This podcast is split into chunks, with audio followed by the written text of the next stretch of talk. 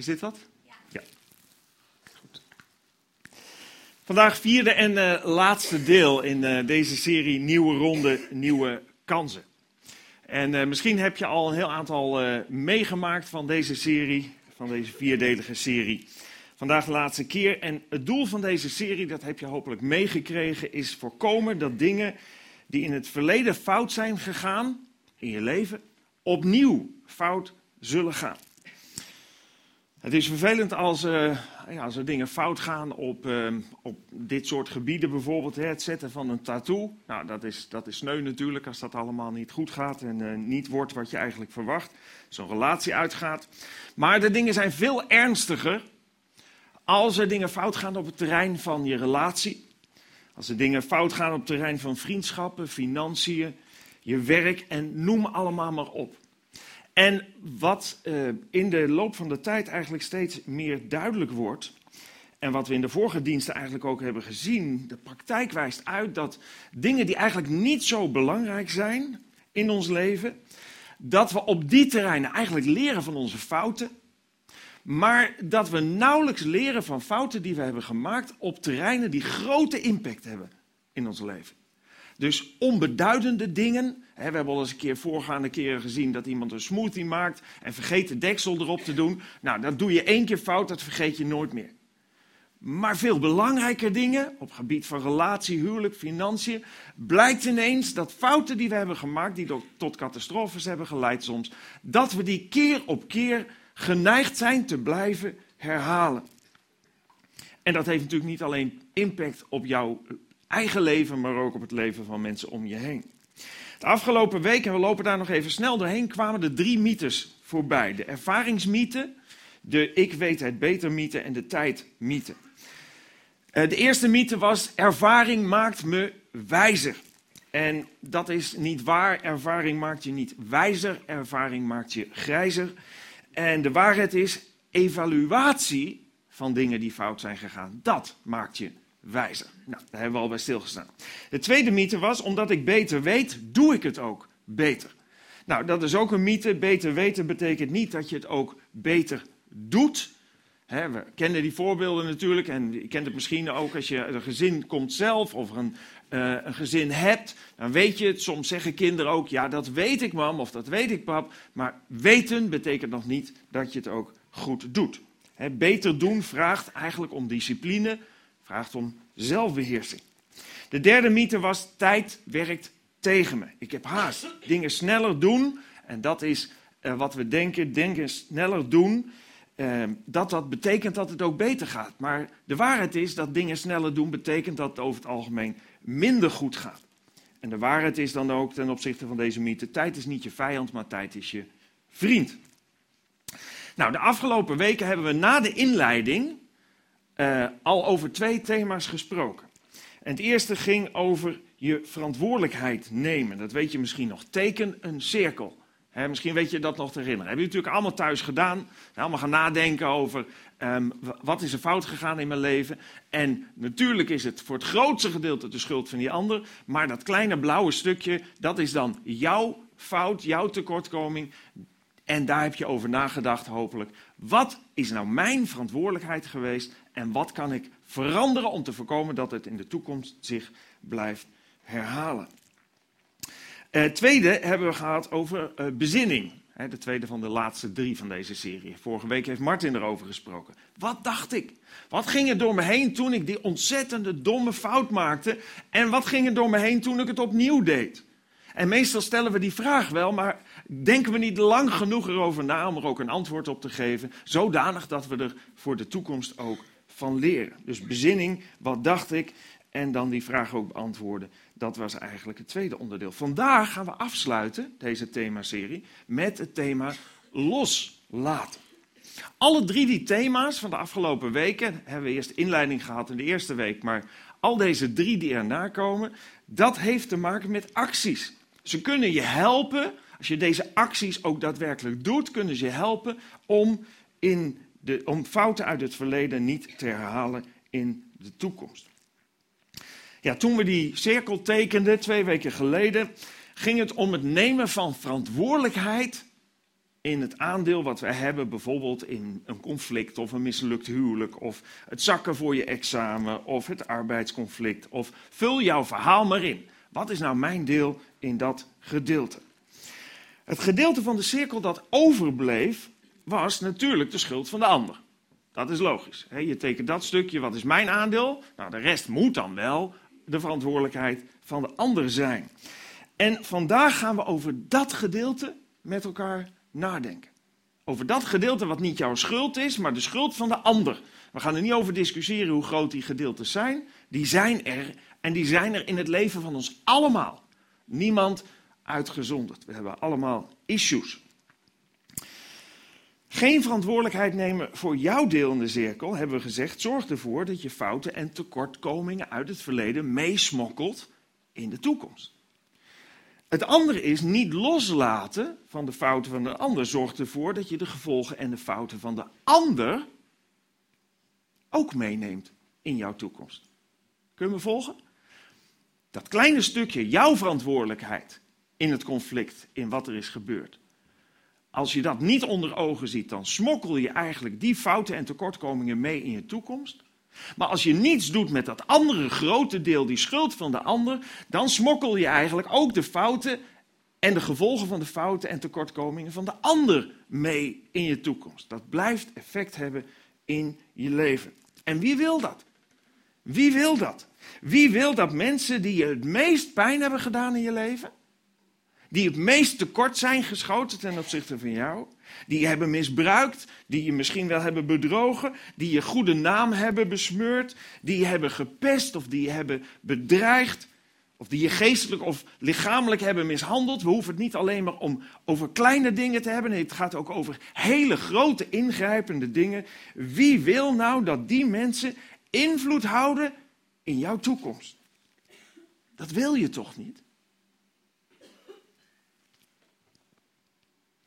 De kans is groot dat je in je leven wel eens iemand hebt ontmoet die zijn leven helemaal op de rit heeft. Stabiel is, gelukkig is, dat ook uitstraalt, maar een gruwelijk verhaal heeft over wat hem of haar is overkomen. Ik ontmoet die mensen wel eens.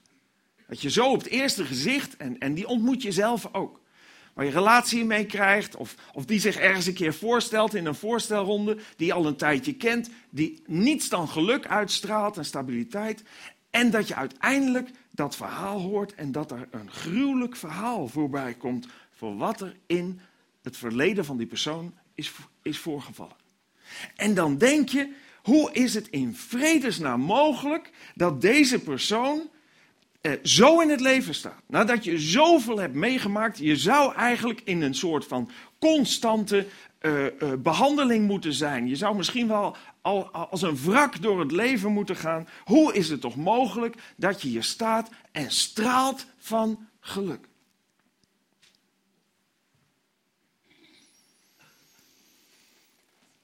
Als je aan hen vraagt, als je zo iemand tegenkomt, ik had er nog een plaatje van, zo iemand, maar dat plaatje zie ik niet komen. Dankjewel, Jochem.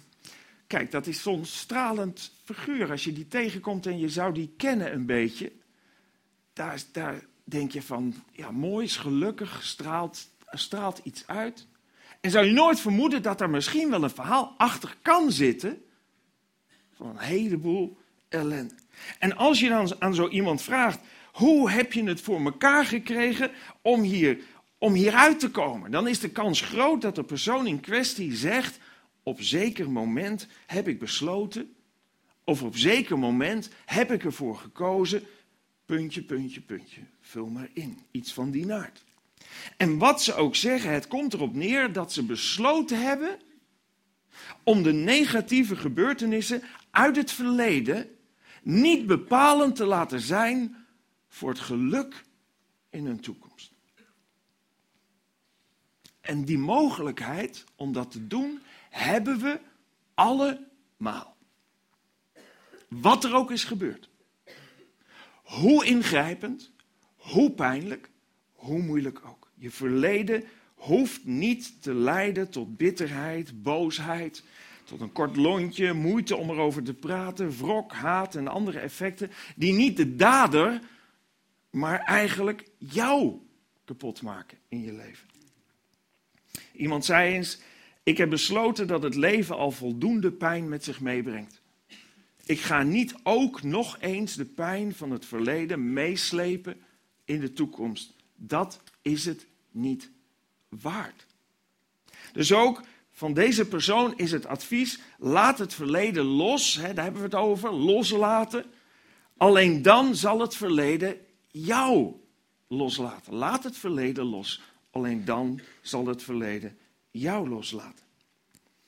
Loslaten helpt je om de fouten van de ander niet mee te nemen in je toekomst. Loslaten is niet in eerste instantie ten gunste van die ander, ten gunste van die dader of agressor, maar ten gunste van jou.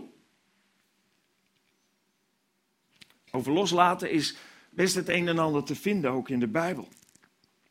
Ergens in de eerste eeuw, na um, eerste eeuw van onze jaartelling, hè, dus net na de periode dat, uh, dat Christus op aarde geleefd had, toen was er een zekere Paulus en Paulus haatte christenen. Dus als je christenen, als je christenen haat, dan moet je de dingen van Paulus lezen, want die had dat ook.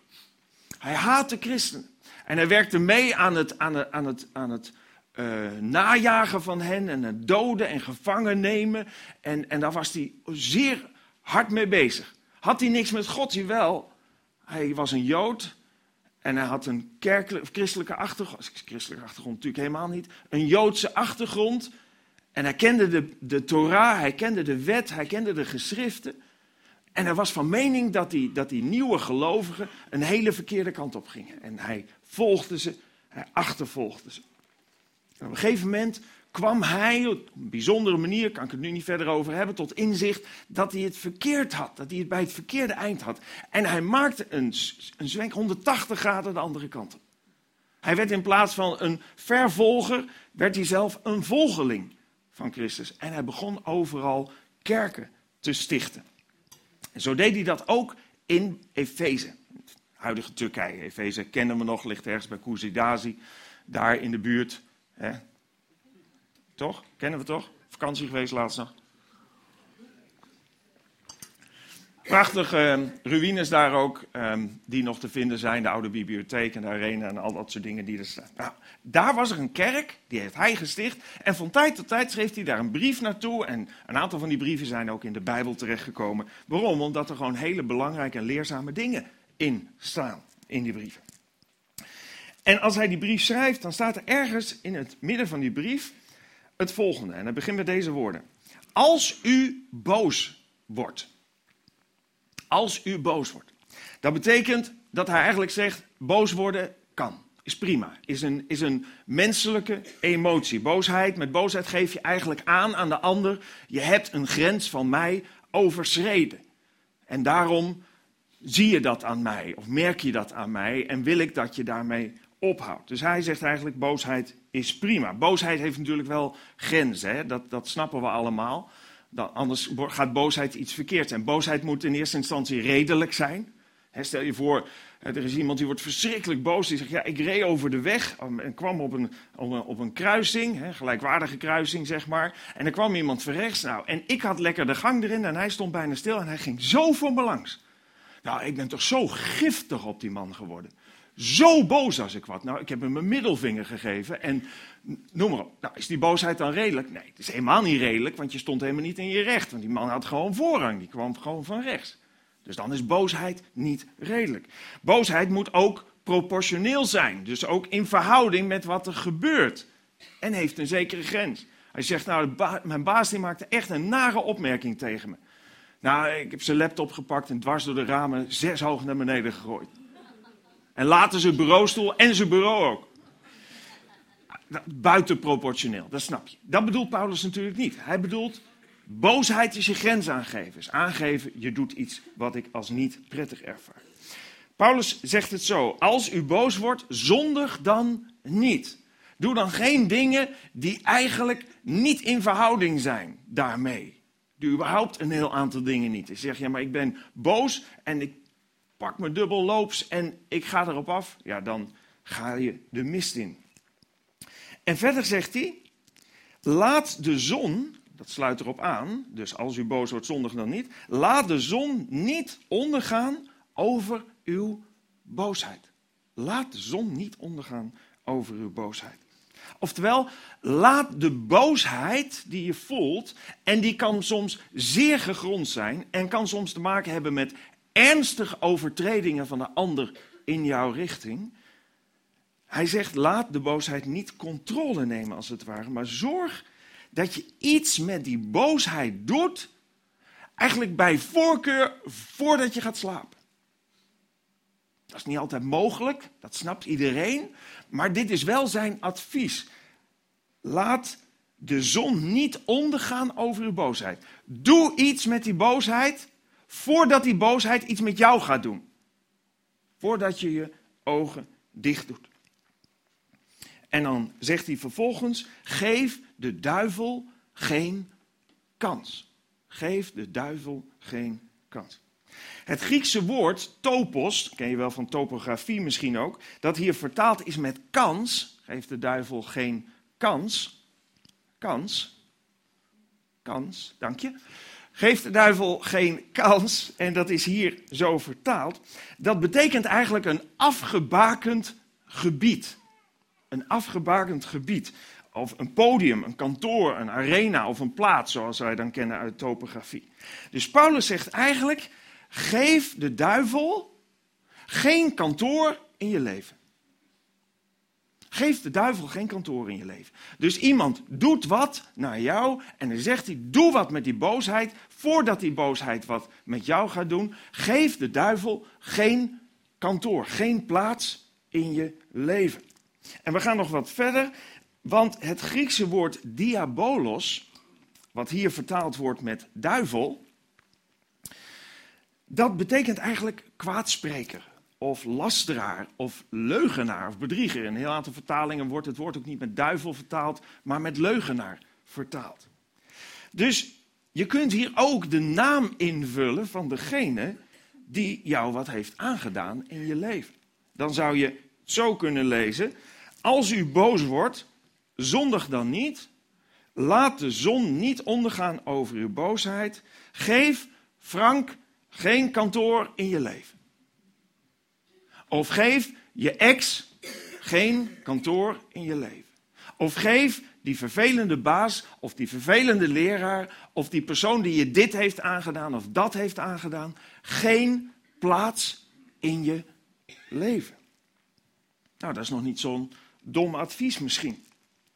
Want je wilt toch niet dat degene die het meest pijn heeft gedaan in het verleden, een plek geven in je leven om je, om je toekomst negatief te blijven beïnvloeden. Dat wil je niet. Je gaat de hoop, de dromen en de verlangens voor de toekomst toch niet laten bepalen door iemand die in het verleden pijn heeft gedaan. Dat is eigenlijk waarom Paulus dit advies geeft. Daarom zegt hij: laat de zon niet ondergaan over je boosheid. Het vraagt om actie. Kom in actie. Als je dit overkomt, overkomen is, gaat overkomen in de toekomst, dan vraagt het om het nemen van een beslissing. Want het gaat niet vanzelf over, het wordt wel vanzelf erger, die invloed, als dat een plek heeft in je leven, een kantoor heeft in jouw leven. Dus laat los, is zijn dringende advies. Dat betekent overigens niet dat je zegt, deze persoon die dit heeft gedaan, heeft geen schuld. Dat betekent het niet. Het betekent ook niet dat je zegt, deze persoon verdient geen straf. Dat betekent het ook niet. Je zegt, ik laat het los. Ik wil niet dat de invloed van toen voor de rest van mijn leven doorgaat. Ik neem de negatieve acties van deze persoon niet mee in mijn leven. Ik laat de toekomst niet dicteren door de fouten van een ander. Iets verderop zegt Paulus het volgende. Laat alle wrok en drift en boosheid varen. Alle geschreeuw en gevloek en alle kwaadaardigheid. Allemaal gevolgen van boosheid. En ook hier weer zegt hij, laat varen. Oftewel, kom in actie. Doe iets voordat het iets met jou gaat doen. Voordat het te laat is. Wat moet je loslaten? Nou, wrok, drift, boosheid, geschreeuw, gevloek en kwaadaardigheid. En iedereen heeft begrip voor die gevoelens die je hebt. Iedereen begrijpt dat een boze vader een stoel door de rechtszaak gooit uit onmacht, uit boosheid, uit drift voor het onrecht dat hem is aangedaan. Iedereen begrijpt dat. En toch zegt Paulus: laat varen. En waarom? Ten eerste omdat de kans groot is dat de vergelding die je zoekt, of die je misschien in je hoofd hebt, nooit gaat plaatsvinden. En zolang die uitblijft, blijf jij ermee bezig. Gaat de boosheid door. En leid jij verder zonder verder te kunnen gaan met je leven. Ten tweede zegt hij laat varen, omdat uit onderzoek blijkt dat vergelding, waar je zo op hoopt, nooit de pijn wegneemt. Dat vergelding nooit de oplossing is voor de pijn die je voelt. Zelfs, en daar hebben ze uitgebreid onderzoek gedaan, zelfs, naar gedaan, zelfs al krijgt iemand de doodstraf, dan geeft dat nog niet de bevrediging waar je naar op zoek bent. Het maakt de daad niet ongedaan, het vergoedt niet de pijn. Niets maakt de daad ongedaan.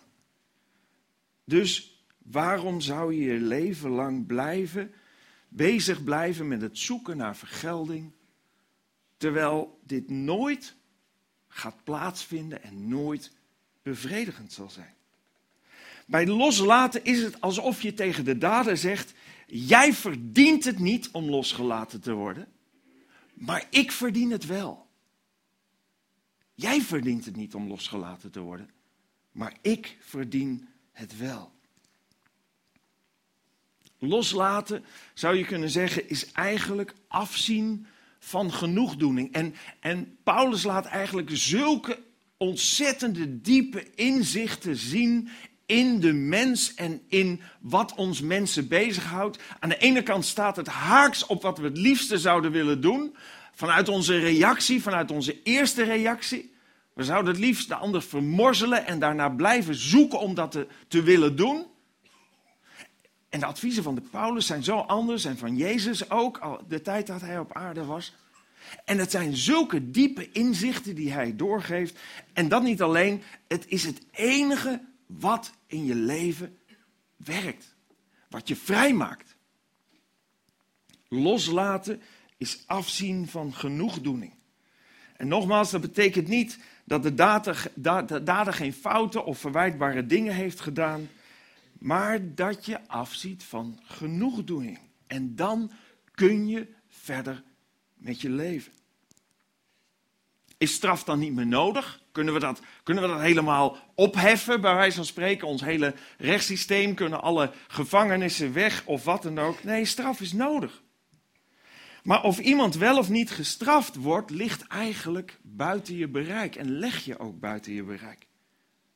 Daarvoor is de overheid, soms ouders.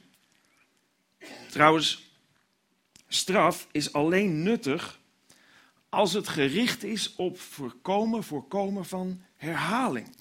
En als het het doel heeft om de dader op het rechte spoor te krijgen en te houden. Wanneer straf wordt ervaren door de dader als vergelding, dient het geen enkel doel.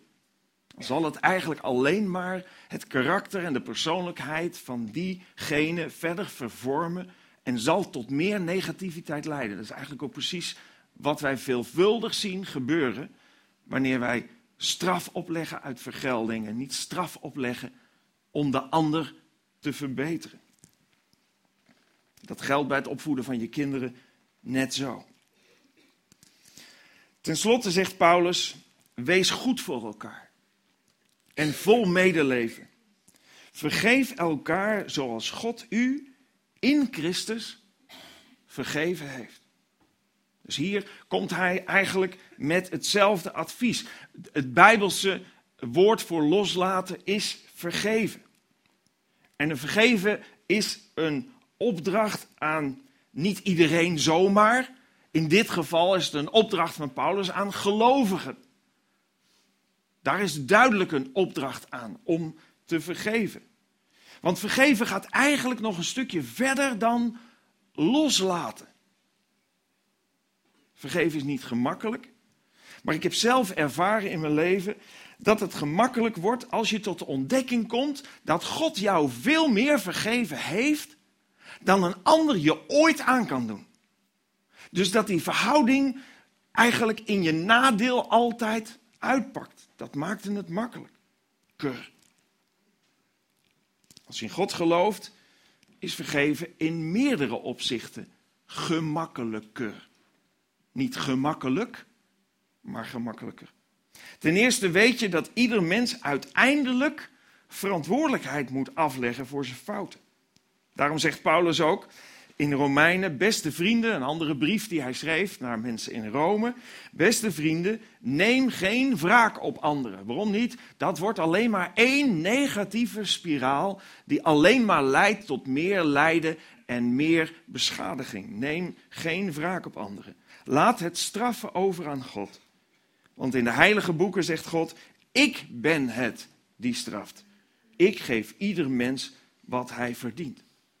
Als je gelovig bent en je hebt gezien en je gaat misschien steeds meer zien dat God betrouwbaar is, dan helpt dit je om het ook aan God over te laten. Dan is het loslaten niet iets waarvan je zegt er gebeurt verder nooit meer iets mee, maar je weet, God heeft hierin het laatste woord. Ten tweede is het makkelijk als je inziet wat jou door God vergeven is. Dat zei ik net al. Dat maakt dat je minder gefocust bent op de schuld van een ander en het meer in verhouding brengt tot de schuld van jezelf ten opzichte van God. En ten derde, omdat je zelf hebt ervaren wat het betekent om vergeven te worden, ga je eigenlijk, en daarin wijkt het zo sterk af van loslaten, ga je verlangen dat ook die ander, die dader, diegene die jou in je leven datgene heeft aangedaan, ga je verlangen dat die dader zijn fouten gaat inzien. En tot berouw komt. En, en ook gaat ervaren wat het betekent om vergeven te worden. Om daadwerkelijk vrijgepleit en vrijgezet te worden. Vergeven gaat verder dan loslaten. Want het bevat zelfs het verlangen dat de ander, wat zeg ik net, tot berouw komt en vergeven wordt. En dat is eigenlijk het diepste verlangen wat je in de Bijbel steeds opnieuw voorbij ziet komen. Naar aanleiding van alle fouten en tekortkomingen waarin God had kunnen reageren met alleen maar straf en vernietiging, heeft God iets anders laten zien toen hij zijn zoon, de Heer Jezus Christus, naar deze wereld stuurde. En niet alleen zich uitstrekte om te vergeven, maar zelfs de straf van ons op zich nam. Zelfs de straf die eigenlijk wij verdiend hadden, op zich nam. Waarom? Omdat God er zo naar verlangt om die relatie die kapot is gegaan door die zonde te herstellen. Dat is ten diepste wat, wat de Bijbel eigenlijk zoekt voor iedereen. Vergeving van zonde. En daarvan uitroept God ons allemaal op om ook zelf te vergeven. Om niet langer de invloed van het kwaad in je leven te laten doorwerken. Een kantoor een plek te geven in je leven. Maar vrij te zijn. Ik sluit af met deze tekst uit Timotheus waar staat: Hij, en dat is God, wil dat alle mensen gered worden en de waarheid leren kennen. De waarheid over onze eigen zonden en tekortkomingen. De waarheid over de weg om vrij te komen van de ballast van de ander. De waarheid van de schuld en de prijs die is betaald door de Heer Jezus Christus. En ik hoop dat je dat in je leven allemaal mag ontdekken. We zullen danken en bidden. Dank u wel, Heere God, voor uw liefde voor ons. Dank u wel voor de wijze lessen die u heeft doorgegeven door mensen als Paulus. Heer, we hebben allemaal onze geschiedenis achter ons.